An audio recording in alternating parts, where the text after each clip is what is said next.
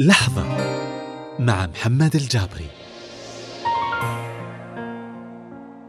تعرفون أن الحياة اللي نحن عايشينها عبارة عن مجموعة علاقات متشابكة في بعض.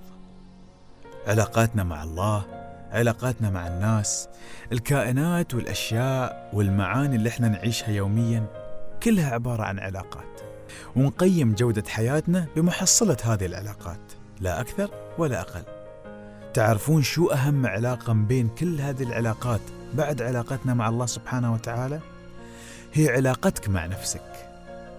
هي العلاقة الوحيدة المستمرة طول حياتك. الشخص الوحيد اللي لاصق لك طول عمرك هو أنت. ولا يمكنك أنك تشرد منه أبدا.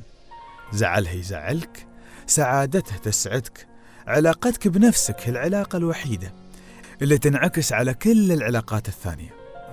فلو علاقتك بنفسك ضعيفة بتنعكس على العلاقات الثانية بصورة تردد حزن شكوى لوم وعتاب وفي بعض الأوقات إحباط واكتئاب والعياذ بالله.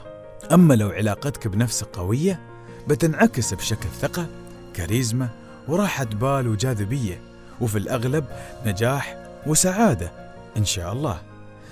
خصص وقت تسأل فيه نفسك هالأسئلة. أنا شو اللي أباه؟ وشو اللي أحتاج عشان أوصل للي أباه؟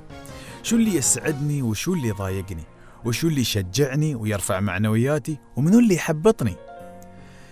يوم بتعرف الأجوبة خذ قرارات جريئة في حياتك عشان تبدأ تقوي علاقتك بنفسك حتى لو تبدأ بقرارات صغيرة. تذكر إن كل تغيير يبتدي من داخلك. thank you